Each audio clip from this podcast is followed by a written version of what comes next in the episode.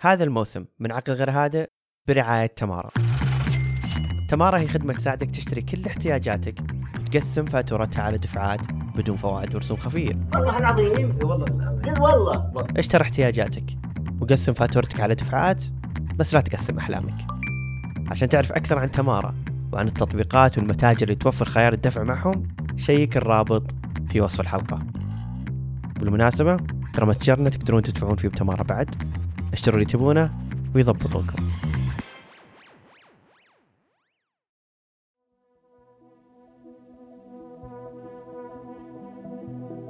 ربما سمع أغلبكم بالذكاء الاصطناعي الذي يحاول محاكاة ذكاء الإنسان. كيف بدأت تطبيقات تستخدم تلك التقنيات في كل مجال الحياة؟ كل ما الاي اي بيتطور اللي هو الذكاء الاصطناعي كل ما إحنا نتوتر أكتر. الذكاء الاصطناعي مش هيقضي على مجالات لكنه هيقضي على أشخاص.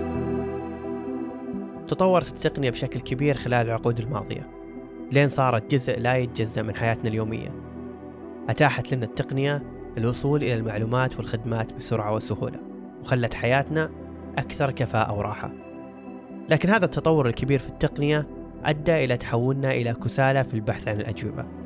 فبدل ما نبحث عن الإجابات بأنفسنا نعتمد على محركات البحث وتطبيقات الذكاء الاصطناعي للحصول على الإجابات بسهولة. ومع ذلك لازم نتذكر أن التقنية مو هي الحل النهائي لكل شيء ولا يمكن الاعتماد عليها بشكل كامل. فما زال في حاجة للعمل الشاق والبحث والتعلم الدائم لتحقيق النجاح والتغيير الإيجابي في حياتنا ومجتمعاتنا. لذا لازم نستخدم التقنية بحكمة ومرونة. والاستمرار في تحسين مهاراتنا وزيادة معرفتنا لتحقيق النجاح والازدهار في حياتنا الشخصية والمهنية.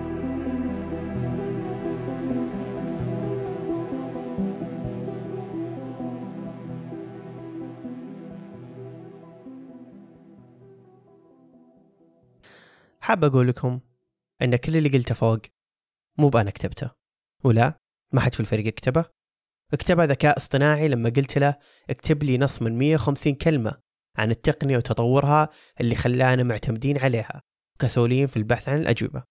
حرفيا كانت هذه جملتي البسيطة وهذا كان جوابه العقلاني جوابه اللي ضد نفسه واللي صدق يشبه تصوري عن الموضوع.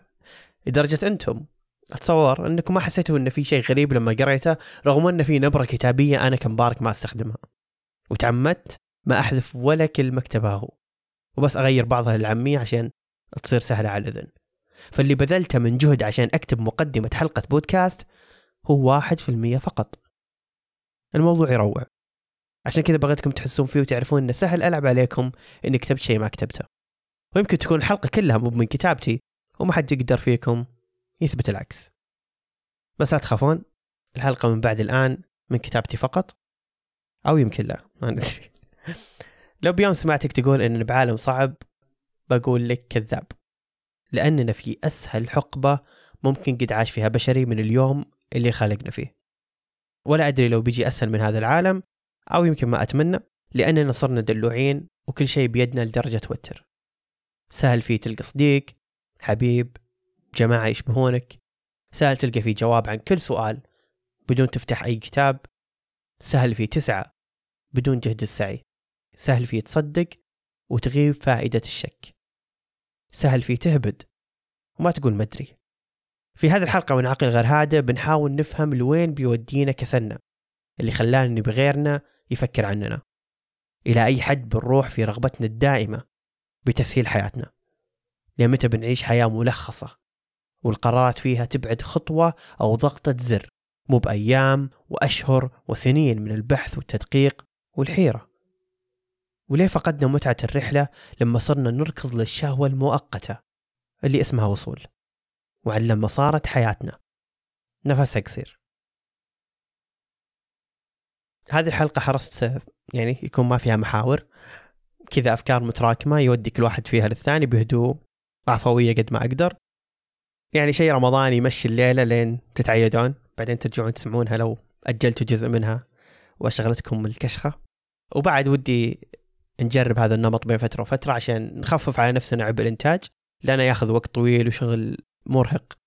فودنا نسوي حلقات فيها هذا النوع من الهدوء الإنتاجي بس تبقى الأفكار والكتابة غير هادئة وأعطونا رأيكم سواء عجبكم ولا لا في حساباتنا بمواقع التواصل راح تلقونها كلها في وصف الحلقة.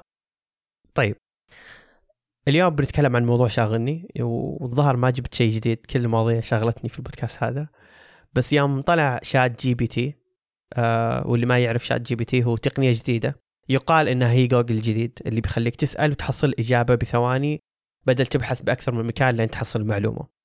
طيب وش اختلاف عن جوجل؟ إنه يعطيك إجابة واحدة متكاملة عن سؤالك. فكل اللي عليك بس إنك تكون فنان بكيف تصيغ السؤال وتعطيه المفردات والجمل المناسبة عشان يعطيك أقرب وأدق صيغة للجواب. وهو يتعلم من نفسه. لو أعطاك إجابة غلط تقدر تعلم أنها غلط وراح يحدث نفسه وتتغير إجابته لكل المستخدمين اللي بيسألونه نفس سؤالك مستقبلا. فتخيل لو استخدموه مليون شخص في نفس الوقت وعدلوا أغلاطه فكل يوم حرفيا قاعد يصير أدق وأصح من اليوم اللي قبله. لين بيجي اليوم اللي بيصير يمكن نسبة خطأ هي 0.00001 أو 9 لكن ويا كثر اللكن في هذا البودكاست حسيت too much ولا تفهمون إني ضده وحركات ماذا فعل الذكاء الاصطناعي بك أيها الإنسان وسوف يقضي علينا وعلى وظائفنا؟ لا مو شخصيتي ذا الدراما لأنها دراما خيال علمي. آه الإنسان متشائم ودها وده انها تصير عشان وناسة صراحة وصدق أكشن لو صارت. فما عندي شعور صراحة و... يعني ما عندي شعور صراحة واضح تجاهها أه ولا رأي قوي هل أنا أرفضه أو لا بس اللي أقصده ب too much هو إنه مو بعاجبني قد إيش البشر قاعدين يصيرون أذكياء في تلخيص الحياة. في تسهيل كل عمليات ومجريات الحياة وتقليص الخطوات لدرجة بيجي يوم نعدمها تماما. نعدم صيغة السعي والبحث اللي هي بالمناسبة جزء كبير من عملية التعلم. صعوبة الشيء تزيد ترسيخها داخلك فصعوبة حياتك بتزيد ترسيخها وترسيخ لحظاتها والأشياء اللي تعلمتها منها. ويوم قلت ذا الجملة بمخي صعوبة الشيء تزيد ترسيخها داخلك. حسيت امم okay هذه الحلقة هذه الحلقة الجاية اللي بتكلم عنها. وبدل أكون بودكاست علمي مليء بالقلق وتخويف الناس من شات جي بي تي وتطور التقنية خلني أخوفكم أكثر وأخلي حلقة كاملة تتكلم عن الكسل اللي وصلناه من شدة ذكائنا ومن شدة براعة حلولنا لتسهيل حياتنا في جميع جوانبها. مبدئيا قلت خليني أبحث عن كم يجلس السعودي من ساعة على جهازه ولقيت دراسة عالمية تقول أننا بالمتوسط نجلس على أجهزتنا سبع ساعات يوميا. وهذا على كلامهم مجموع كل الأجهزة مو بس الجوال واللي يسمونه screen time أو وقت الشاشة أتوقع ترجمتها والصدق أتوقع أنه أكثر بواجد وماني مقتنع بذا الرقم لأن على فكرة لو ما تعرف الإحصائية اللي في الجوال مو هي الحقيقية لأن وبالعكس يمكن هي المعدل الأقل لاستخدامك للتقنية لأن لما يقول لك جوالك أنك جلست سبع ساعات عليه اليوم ما حسبت مع نتفلكس اللي على اللابتوب أو كم مسلسل شفته مع أهلك على التلفزيون وال game أبو ساعتين في البلاي ستيشن لأن كل هذا ترفيه إلكتروني. مو مرتبط بالجوال بالضرورة فأعتقد أنه مستحيل تكون بس سبع ساعات أحس أكثر من كذا بكثير. لكن السبع ساعات اللي تقولها الإحصائية تقول أن أربع ساعات منها يروح على الجوال وثلاث ساعات على اللابتوب. و41% من الوقت هذا نقضيه على مواقع التواصل. فلما تطرح منها عدد ساعات اليوم اللي هي 24 ساعة بتلاحظ أن ترفيهك أحيانا أكثر من ساعات نومك بس لا يضيق صدرك واجد. كل الناس كذا والمشكلة مو مرتبطة فيك أنت كشخص. لأننا نعيش اليوم في زمن يقرب لنا المتعة ويطوي المسافات البعيدة اللي كانت تفصل ما بيننا وبين فرحتنا وسعادتنا وابتسامتنا. بعد ما كنا نعيش حياة المتعة فيها تسعى لها حرفيا تتعنى لها وتتمناها. وكان شكل الأيام يغلب عليه العمل والدراسة واللي بينهم هو المتعة مو بالعكس زي الحين. هذه القدرة على طوي المسافات خلتنا بشكل إيجابي مرة ندرك أننا واحد. نكتتنا واحدة حياتنا واحدة متعتنا واحدة وذوقنا الموسيقي والسينمائي والفني واللبسي. واحد ما عاد صار في شيء مميز بالغرباء زي قبل. كل شيء يبدو لك مألوف. حتى ثقافة الغير ما عاد تدهشك. لأنكم صرتوا تشبهون بعض بعد مدة وصارت ثقافتكم واحدة ثقافة العالم. لأن صار الحين الواحد بيده يقدر يجلب جزء من ساعاته لين عنده. ويرسم شكل يومه أو حتى حياته زي ما يبي هو مو زي ما يبي الموجود. لأن الجهاز اللي قاعد تسمع منه الحين الحلقة هو بوابتك لعالم ما كان موجود قبل 25 سنة. فصدق أشعر أن مهما قلنا أن التقنية جلبت لنا التعاسة إلا أنها ساعدتنا نخفف جزء من تعاسة الواقع وسهلت علينا نكون أحسن في نواحي كثير. ومن الغباء نكرانها وجحدها. لأن ما أحب ابدا شعرية الارتباط بالماضي وإن الحقبة السهلة البسيطة اللي الواحد ما يطلب فيها إلا اللي بيده والنفوس كانت طيبة. ندري ولا أنكرنا إن الماضي جميل لكنه كان جميل بظروفه ووقته ومعطياته اللي ما تتناسب ابدا مع الجو العام الحالي ولا تتناسب مع شخصية وحياة الإنسان الحالي. زي ما إن 2050 بيشوفون 2023 ماضي لطيف والنفوس فيه طيبة ويا ليت الزمان يعود يوما. فعادي عادي تحب الماضي. بس مو بشرط تجحد إيجابية الحاضر. متى لعبت board game في الحقيقة؟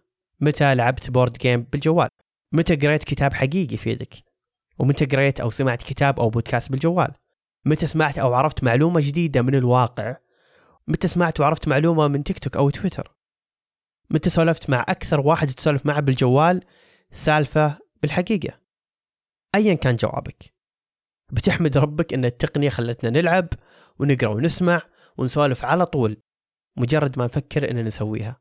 بالوقت اللي لو كانت مو فيه كان نسبة كبيرة ما قدرنا نسوي ربع الترفيه وسلاسة الحياة اللي نسويها الحين. لكن سهولة جلب المتعة خلتها جرعة صعبة جدا ما نقدر نتخلى عنها. نعمة لما يكون بيدك كل شيء. بس الأمان النفسي اللاواعي إن كل شيء بيدك يخلينا في أحيان كثيرة اعتماديين بزيادة واتكاليين على هذه السهولة. نعرف أن لكل مشكلة حل كل حزن له فيلم كل جوع له جاهز وكل شعور بالوحدة لها رسالة عنوانها وش تسوي؟ بعدين تبدأ محادثة. كل ملل له ثلاث ساعات متواصلة بتيك توك يخلينا سعيدين مؤقتا. فالثقة اللي تعطينا إياها التقنية تقتل جزء من رغبة البحث عن حل دائم لمشاكلنا. لأن كل شيء حولنا كل شيء حولنا يساعدنا نبحث عن أنصاف الحلول. والجرعات البسيطة اللي تساعدنا نمرر يومنا وبكرة إذا زارنا الشعور مرة ثانية راح نخدره بنفس الطريقة مرة ثانية. وهكذا لين تصير في مرحلة تخدير مستمرة وأربعة وأنصاف حلول. لأن ليش لا؟ ليش لا؟ دام بيد الطريق للهرب بدل المواجهة اللي تتطلب جهد مضاعف يمكن أضعاف مضاعفة يمكن تطيحني نفسيا المواجهة هذه. عطني تكفى كم جرعة خلني أستمر أهرب. لدرجة صار في يعني ديتوكس للتقنية أو الجوال. متخيلين ان مصطلح ديتوكس اللي مستخدم غالبا لوصف التخلص من المواد السامة أو الإدمانية بجسمنا؟ صرنا نستخدمه لشيء وهمي كذا مو بملموس بس إنه يأثر بهرموناتنا بشكل مباشر. لدرجة صرنا نسميه إدمان ونحاول نسوي له system و diet عشان نخفف منه وننحف تشتتنا شوي. يعني يا الله قديش صرنا جيل مشتت؟ مشتت لدرجة إن كل واحد الحين يعتقد إنه في دي بس لا يعني لا توسوسوا. مو كل مو كلنا فينا اي دي اتش دي بس نمط الحياة السهلة اللي بيدنا مخلينا ما عاد عندنا قدرة نسيطر على شيء واحد بوقت واحد في مكان واحد عشان نحصل نتيجة واحدة. لأننا كذا ربشة نبي كل شيء في وقت واحد نبي أكثر من نتيجة في وقت واحد لأننا نبي نكون موجودين بكل شيء في نفس الوقت. في موضوع تشتت التنبيهات قريت مقال عظيم كان عنوانه Anatomy of Notification. كان يقول أن الانتباه هو العملة الرابحة لجميع القطاعات العالمية. جاهزين يدفعون اللي وراهم واللي قدامهم عشان يكسبون اهتمامك ويأخذونه ولو لثواني تدفع الشركات الملايين عشان تحط لوحاتها في طريق الملك فهد في الرياض طريق الملك عبد العزيز في جدة طريق الكورنيش في الخبر. ملايين شفتها قدام عيني تنصرف في قطاعنا قطاع الإعلانات بس عشان يشمون طرف attention منك. ويحسون إنهم كسبوا الدنيا بعدها. يعني مثلا إعلانات الشوارع. متى آخر مرة شفت إعلان وحفزك إنك تدخل وتشوف وش سالفته؟ غالبا ما حد معطي الإعلانات شوارع وجه. ومع ذلك يندفع عليها ملايين. عشان بس يقولون أوكي خل يحط عينه عليها بس. انشغالك وتشتتك من التنبيهات والعبارات في جوالك أو الشوارع هو العملة اللي يراهن عليها كل مستثمر وكل رئيس شركة وكل قطاع خدمي وغير خدمي وحتى حكومي. كل أحد يشوفك محور الكون. صدقني. وناسة شوي إنك تحس إن كل أحد يبي انتباهك. افرح شوي. تيك توك خوارزميات الرهيبة اللي تعرف جوك من كم swipe كذا. أول ما تفتح حساب خذ الكم swipe كذا وبعدها كل ال timeline حقك بيتغير بالشيء اللي تحبه. عشان البرنامج يتمسك فيك أطول فترة ممكنة. لدرجة هم نفسهم عرفوا إنهم مرة تفننوا وأتقنوا جذب انتباهك فصار يطلع لك أحيانا تنبيه بوجهك يقول لك لو سمحت تراك طولت. مستوعب؟ شركة من كثر ما فازت فيك تقول لك خلاص حبيبي اتركني شوي بس وتعال أنا موجود لا تخاف. وعلى الطاري هذا طاري التنبيهات وكيف إنه خلينا نتشبث بالأشياء لا تخلوني أتكلم عن ساعة ابل الاختراع هذا غلط. مرة غلط. يفترض إنه موجود عشان يخلي حياتك أكثر سلاسة وإنتاجية حسب هذه عباراتهم. بس عبارات ذي لعابة. عبارة يعني عبارة انه يخليك أكثر إنتاجية ذي أصلا بالنسبة لي فيها أنه يعني ليه لازم أصير أكثر إنتاجية أصلا؟ ليه ما أكون منتج سادة كذا بدون أي حركات زي هذه؟ تزيد ارتباطي بالعالم الإلكتروني وتزيد رغبتي بالتواجد حتى وأنا بعيد عن جوالي. ولاحظوا سلوك كل أحد لابس ساعه أبل وهو جالس جنبكم. اتحداه يكمل 15 دقيقة بدون ما يرفع ايده ويعطيها لمحة كذا على السريع. صدق ما أدري أنا قاعد أهول الموضوع ولا لا بس ما أقدر أطمن من إننا كبشر حتى في لحظتنا اللي مفترض نكون فيها هادين ومركزين باللي قدامنا أو مركزين باللحظة اللي عايشين فيها. قاعدين نلبس شيء عشان يهزنا ويعلمنا إننا لازم ننتبه أكثر. فساعة أبل بالنسبة لي كذا شيء غريب بعيدا إنها رياضيا كويسة. ساعة رياضية كويسة. بس ساعة إذا شريتها عشان إنتاجيتك وعشان تشوف الرسائل وعشان تتواصل أكثر فما أدري إيش قاعد تفكر فيه. قاعد تجرم في نفسك. تبي ولا بكيفك؟ فيا يعني الموضوع مربح مرة. موضوع دراسة عقلنا ومعرفة نقاط ضعفنا العقلية والأشياء اللي تحفزنا والأشياء اللي تثير اهتمامنا والأشياء اللي نكرهها ونحبها مربح جدا. كلنا ودنا نصدق أننا أحرار في اتخاذ قراراتنا. وأن نسوي كل هذا بشكل واعي وأن الموضوع سهل لما نقرر أن نتركه. بس يعني ما ودنا نتركه. لا صدقوني الموضوع أكبر من كذا وخفي بطريقة ما تستوعبونها. وكل سنة يتعلمون المبرمجين ومصممين صفحات وخوارزميات البرامج كيف يخلون الموضوع سلس أكثر بالتعامل مع مخك بحذر عشان ما تقفطهم وتدري إنهم قاعدين يفهمونك بزيادة. فتقع في وهم الحرية التقنية بس هي مسلوبة منك من سنين. مخنا من كثر ما تغذى على ال attention ما عاد صار يتحفز بسرعة. فالجرعات الصغيرة اللي قاعدين ناخذها من ال attention قاعدة تأثر بشكل كبير علينا بإننا نبي نتغذى على القليل بس بكميات كبيرة.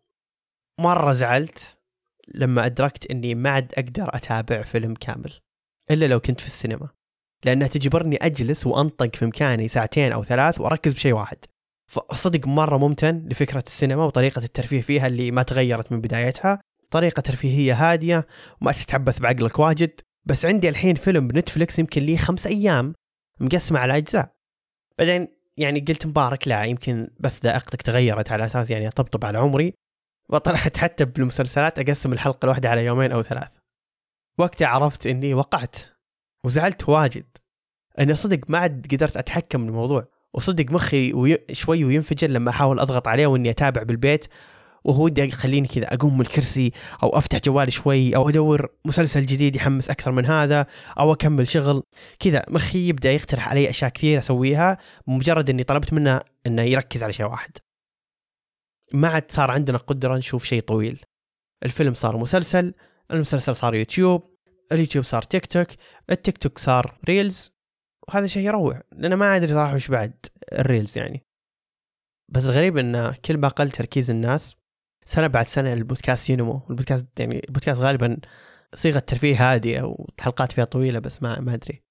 بس شكلكم أنتم بعد تقسمون تقسمون الحلقات على أيام. أم كنت أسمع وكنت أقرأ وكنت واعي بسالفة أننا أشخاص مستعبدين من جوالاتنا ورغبتنا أن نكون حوله دايم. لين حسيت بشكل غريب ومفاجئ أن جد مبارك وضعك صعب. لما وصلت لمرحلة القلق النفسي إنه ممكن يجيني شيء مهم لازم أرد عليه وأثر هذا حتى بساعات عملي بالدوام. لما ما أقدر يعني والله العظيم ما أقدر ما أرفع الجوال كل كم دقيقة أتأكد لو في رسالة أو في تنبيه. يمكن لها دواعي نفسية تخليني أرغب بالتواجد دائما في حال في شيء سيء بيصير لكن بعيدا عني كمثال الحدث هذا مو بغريب حتى للي ما عندهم قلق ورعب إنه ممكن في مشكلة بتصير وتحتاج تواجدهم. صار في قلق إن في شيء بفوتك وإنك لازم تكون دائما موجود ومتأهب للرد وما يصح تخلي الجوال لو دقيقتين مجرد ما يجيك تنبيه أو رسالة. أكيد مرت عليكم مقاطع تيك توك وريلز عن نكتة الشخص اللي يحارب إنه ما يرد على رسائل الأشخاص بعد ثواني مع إنهم ما ردوا عليه لهم ساعتين. كثرة ظهور هذه النكتة قدام عيني زاد وعي بوجودها. لأن الناس ما تنكت عبث. تنكت عشان تختبر نفسها ومحيطها وتخفف رعبها ونقدها على نفسها. ولما تنتشر نكتة بشكل كبير يعني إن النكتة. مو بطبيعي مو بطبيعي إنك دائما تبي تكون موجود ومفروض بالمثل ما تتوقع دائما إن الغير لازم يكون موجود طالما هو صاحي مثلا وتخاف وتشعر بالتجاهل عشان الرد ما جاك بسرعة اللي أنت تحتاجها. عطني نسبة عن الرسائل المهمة فعليا وتحتاج رد سريع. مقابل الرسائل العامة اللي شاركتها لحدث معين طبيعي وعادي بس حزنت إنه ما جاء رد سريع عليها. صدقني 99% من الرسائل اللي نرسلها هي يوميات ما تتطلب الرد المباشر. وبرضه 99% من الرسائل اللي توصلك هي رسائل عامة. ما تأثر بسريان يومك ولا تحتاج تعطيها وقتك مباشرة. ولو أجلت الرد ما في أي شيء بيتغير. وصلت لمرحلة إني أخاف أقول لأحد معليش أنا مشغول عطني كم ساعة أو كم دقيقة وأرد. أخاف أزعل أحد إذا قلت إني مشغول. مع إني لما أقولها أرتاح من ردة الفعل الطبيعية اللي يعطيني إياها الشخص. وبالعكس تعطي اللي قدامك شعور إنك مهتم فيه وتبي تعطيه وقت فيه جودة جودة وتركيز. مو في رد سريع لأجل الرد السريع وكأنها مكافأة له. ان أنت ارسلت لي أنا برد عليك بسرعة عشان أبين إنك أنت مهم. لا برضو يبين إنه مهم بإنك ترد بتركيز وجودة في في الرد. مو بس عشان يلا خلنا نرد. فكروا فيها. وبعيدا عن التواصل بين شخصين مواقع التواصل الاجتماعي يعني ولا في شيء غريب إنها زادت رغبتنا بالتواجد. صرنا نتغذى على تواجدنا وتفاعلنا داخلها بكل صيغة ممكنة. صيغة comment صيغة like صيغة يوميات لو كانت streak بالسناب كل شيء. كل شيء قاعدين نسويه في شعور لا إرادي بتشبيع رغبة التواجد داخلنا. رغبة إثبات إننا هنا عشان ما حد ينسى وجودنا. ينسى نكتتنا فعالياتنا ويومنا بوستاتنا الرهيبة موهبتنا اللي نحس إنها بتموت بس عشان ما حد شافها. النكتة بتضحك حتى لو قلتها بعد بكرة. بوستك بيبقى رهيب بوستك بيبقى رهيب حتى لو ما نزلت كل يوم. موهبتك بمخك وبيدك حقيقة وما تنتظر أحد يشوفها عشان تزيد حقيقيتها. كل شيء طبيعي نسويه بيومنا كأنه يكتسب حقيقة كبيرة داخله لما يشاركه كأنه لما يكون عندنا ولنا لحالنا كذا وهم كذا وهم يسبح في الكون. شيء مو بحقيقي ولازم نثبت إنه موجود بالمشاركة. بس على العكس تماما. أشوف أنا كمبارك إن كل شيء نسويه يزداد عمقا وحقيقة لما يكون بيننا وبين نفسنا. وتزداد وهميته بمجرد مشاركته. أنا ما أقول إنه ما أقول إنه لما تشارك معناها أوه هذا غلط هذا كذب. لا. لكن في كذا شيء ينقص من حقيقة الشيء اللي نشرته لأنك لما تنشر شيء دائما تفكر بعيون الناس بمخ الناس وش بيقولون عنه. فإذا كان هدفك الأساسي من فعل الشيء أو تصويره أو مشاركته الناس فمعناها فقد جزء من حقيقته. ما بقي شيء على العيد. أكيد عندك خويك هذاك اللي مشتري لابتوب جديد ويحتاج له كم sticker أو أنتي. صديقتك اللي مغيرة جوالها وحاطة له cover شفاف لازم تمليه. أو أنتم اللي تحتاجون tote bag لطيفة تشيل عنكم همومكم وأغراضكم بعد إجازة العيد والرجعة للدوامات والدراسة. اشتروا لكم ولهم من متجر عقل واستخدموا تمارا عشان تستفيدون من خصم حصري 10% إذا استخدمت وسيلة الدفع تمارا. والطريقة سهلة.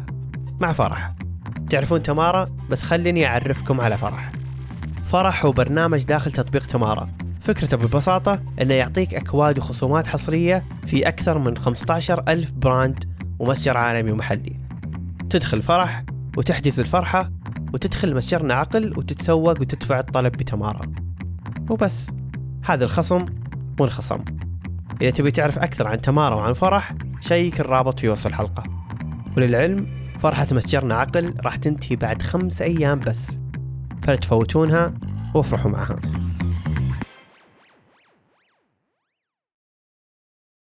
واحدة من الأشياء اللي مرة مثيرة للاهتمام بالنسبة لي ودائما أفكر فيها على طاري مواقع التواصل. أحس جانا نوع من أنواع الكسل اللي يخلينا ما نبحث في علاقات إلا عن أشباهنا. صار ما يحتاج قروشة أنك تشوف البشر كلهم وتنوعهم وتكون علاقات عميقة مهمة بسبب اختلافكم. صرنا ندور أشباهنا لأنها منطقة راحتنا اللي ما تختبرنا وغالبا تحسسنا بالأمان. اننا طبيعيين وإننا ما نحتاج نختبر مبادئنا وقيمنا وأفكارنا المختلفة سواء كانت صح وغلط سواء كانت أفكارك وقيمك ومبادئك صحيحة تحتاج أحيانا تختبرها تحتاج تعرضها. ما تبي تنحط في جماعة إذا قلت شيء هزوا راسهم وإذا لبست زيهم صفقوا لك وخذ لك علاقات مليانة تعزيز علاقات مملة. وأحس إنه مو بطبيعي إنك دائما تميل لأشباهك وتركض وراء البحث عنهم. لأن نص تجارب الحياة وتعلمك وتطورك ما يجي من التشابه بينك وبين اللي جنبك. يجي من اختلافكم. ما يجي من عائلتك أحيانا حتى مع إنهم ما يشبهونك تماما. بس حتى عائلتك فيها منطقة تشابه ما تعلمك لأنكم بنفس الظروف الاجتماعية والفكرية في غالب الأحيان. كل التعلم غالبا يجي من الغريب عليك تماما اللي يعلمك شيء جديد ويعرف منك شيء جديد. تحتاج أشخاص يصدمونك باختلافهم سواء كانوا صح أو غلط. هم اللي يخلونك تدرك إن العالم كبير وأوسع بكثير من جروبات وجماعات وانتماءات غريبة. خلقتها مواقع التواصل عشان بس نحس إننا مو بغريبين بين الجموع. الصحي إنك تدرك إنك غريب بين الجموع وكل أحد غريب بين الجموع وما حد يشبه كل أحد. لا يعزلونك أشباهك عن شوفة العالم الحقيقي اللي يوسعك ويوسع غيرك. في بحث علمي لطيف وغريب شوي. كان يتكلم عن تأثر العلاقة العاطفية العميقة مع وسائل التواصل وكيف أن وسائل التواصل غيرت شكل العلاقات العاطفية ووسعت حدودها وقللت قوانينها الغير مكتوبة. قبل 25 سنة ما كان في شيء اسمه علاقة عاطفية خارج حدود شوفة عينك. اللي تشوفه قدامك بشكل حقيقي هو فرصتك بالعلاقات فقط. حدود واضحة وما في أي تفكير بشخص خارج حدود جماعتك. لأنك ما ترتبط بالمجهول. ما عندك فرصة أصلا تعرف أن في مجهول بعيد على بعد حتى عشر كيلوات عنك. ترتبط باللي موجود. بس مواقع التواصل غيرت اللعبة. خلتك ترتبط بالمجهول تتوسع دائرة الموجود ويصير كل شخص بهذا الكون له نفس الفرصة والاحتمالية للفوز بقلبك. لأن المسألة مسألة صدف مو بتخطيط. فمحمد اللي بجدة له نفس الاحتمالية لمحمد البحريني إنه يكلم واحدة اسمها سارة في الخبر. وكذلك سارة اللي في الخبر وسارة اللي في القاهرة لهم نفس الاحتمالية إنهم يصادفون خالد وواحدة منهم تحبه ويتزوجون.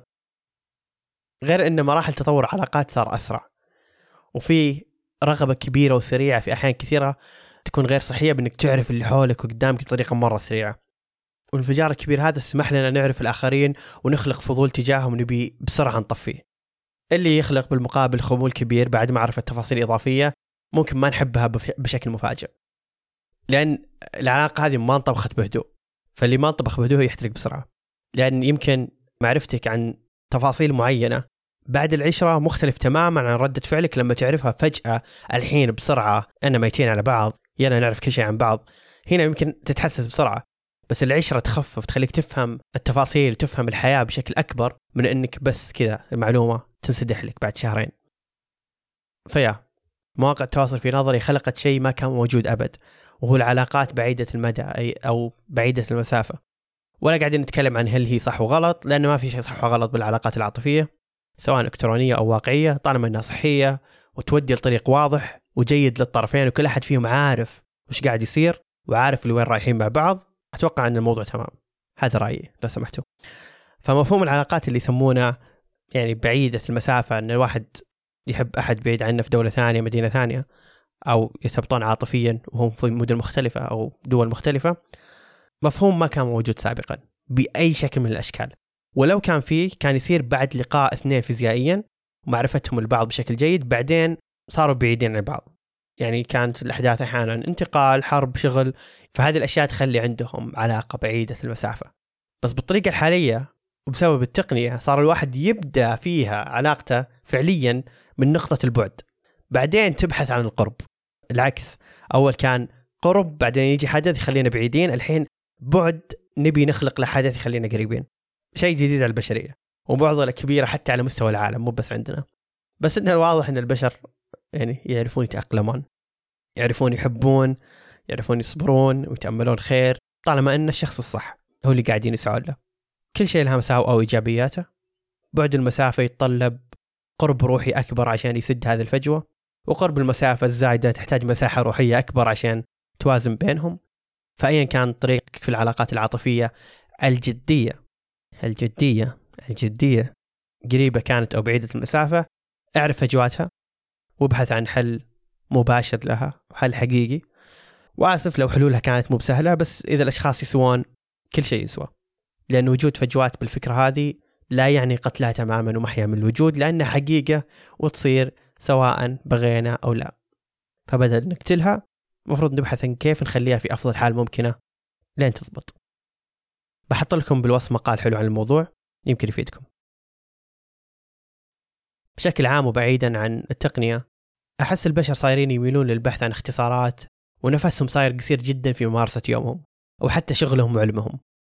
أدركت أن العلم بدأ يروح فيها لما شفت نظام تعليمنا الحديث اللي أسميه بكالوريوس سلايدات.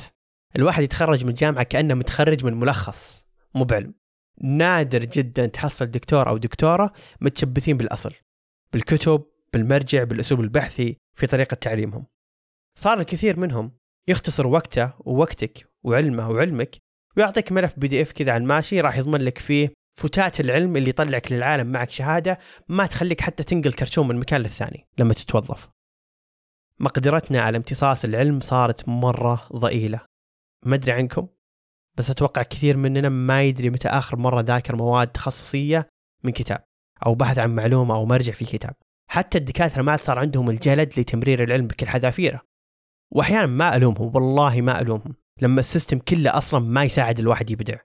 لا 15 سنة مسكين يدرس نفس المادة وكل جيل يجي ينفهي أكثر من اللي قبله فما له إلا يوزع ملخصات على الرايح والجاي لين صار تمرير العلم مليان أغلاط متراكمة يتحملها الطالب والمعلم صار عقلنا عبارة عن خزنة تملي وتفضي بدون أي تحليل ولا ربط ولا دراسة وبحث عن الموضوع كل شيء جاهز.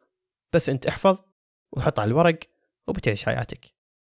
لأن حتى لو قررت تتمرد على النظام التعليمي وتتعلم من الأصل والمراجع أضمن لك أنك بتلقى المتعة في الدراسة. أضمن لك هذا الشيء. خذيتها من تجربة. لكنك بتحصل الشقاء في الدرجات.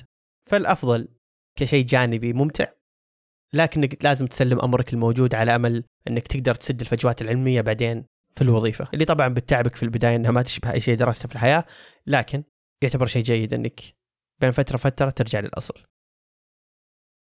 التقنية والذكاء الاصطناعي خطيرين جدا لما يدخلون التعليم لأن العلم هو البحث عنه والسعي له قبل الوصول له. ما يفيد ابدا إنك تكون بس متلقي بدون أي عملية قبلها. مثل صديقنا اللي كان في أول حلقة شات جي بي تي والله رهيب. يعني رهيب مرة وراح يغير أشياء واجد بطريقة البحث عن معلومة صحيحة بدون عناء البحث في مصادر ممكن تكون أصلا غير موثوقة. بس ما أدري ماني بمرتاح يعني أحس بيزيد من ذبول قدراتنا المعرفية اللي خلقها أصلا ذابله وقدرتنا على التقصي والبحث. يعني بتموت رغبتنا في السعي أصلا. وبيصير بس اللي كل اللي نحتاجه إنه نوصل للمعلومة. ما يهم كيف بوصل لها بس أبي أوصلها بسرعة. ويصير بس كذا هدفنا في الحياة هذه إنه نوصل. يعني مو نمشي نوصل. كذا بس طقة اصبع نبي نوصل. لكن الطريق للمعلومة في بعض الأحيان أهم من المعلومة نفسها. وأحس أصلا نوع من احترام العقل وقدسيته إنك توريه صورة كاملة والرحلة الطويلة الكاملة في البحث عن راحة البال من أرق السؤال عشان يدرك عظمة الجواب. إن بعالم كسول عالم سهل فيه تنبسط لين تتخدر وتنسى كيف تحس. عالم سهل تمشي فيه مسافة طويلة بعلاقاتك الإلكترونية بدون توصل لأي مكان.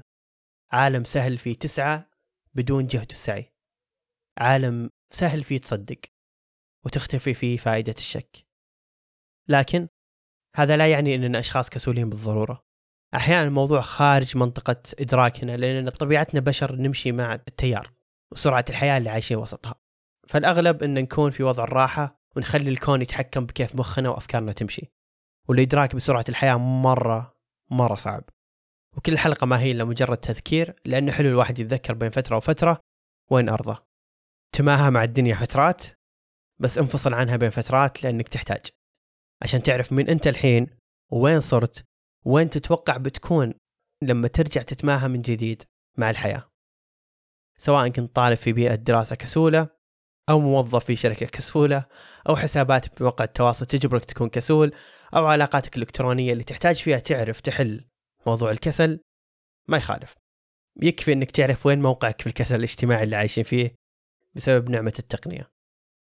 ووقتها أسأل نفسك هل حياتي نفسها طويل أو قصير؟ وش لازم أسوي الحين لما عرفت الجواب؟ أتمنى الحلقة عجبتكم وفادتكم. وأتمنى كانت خفيفة رغم أنها أتوقع أنها بتكون مرة طويلة. كل عام وأنتم بخير مقدما.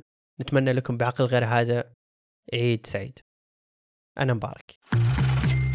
تمارا هي خدمة تساعدك تشتري كل احتياجاتك. وتقسم فاتورتها على دفعات بدون فوائد ورسوم خفية. والله العظيم والله. والله. اشتر احتياجاتك وقسم فاتورتك على دفعات بس لا تقسم أحلامك. عشان تعرف أكثر عن تمارا وعن التطبيقات والمتاجر اللي توفر خيار الدفع معهم شيك الرابط في وصف الحلقة. بالمناسبة ترى متجرنا تقدرون تدفعون فيه بتمارا بعد. اشتروا اللي تبونه ويضبطونكم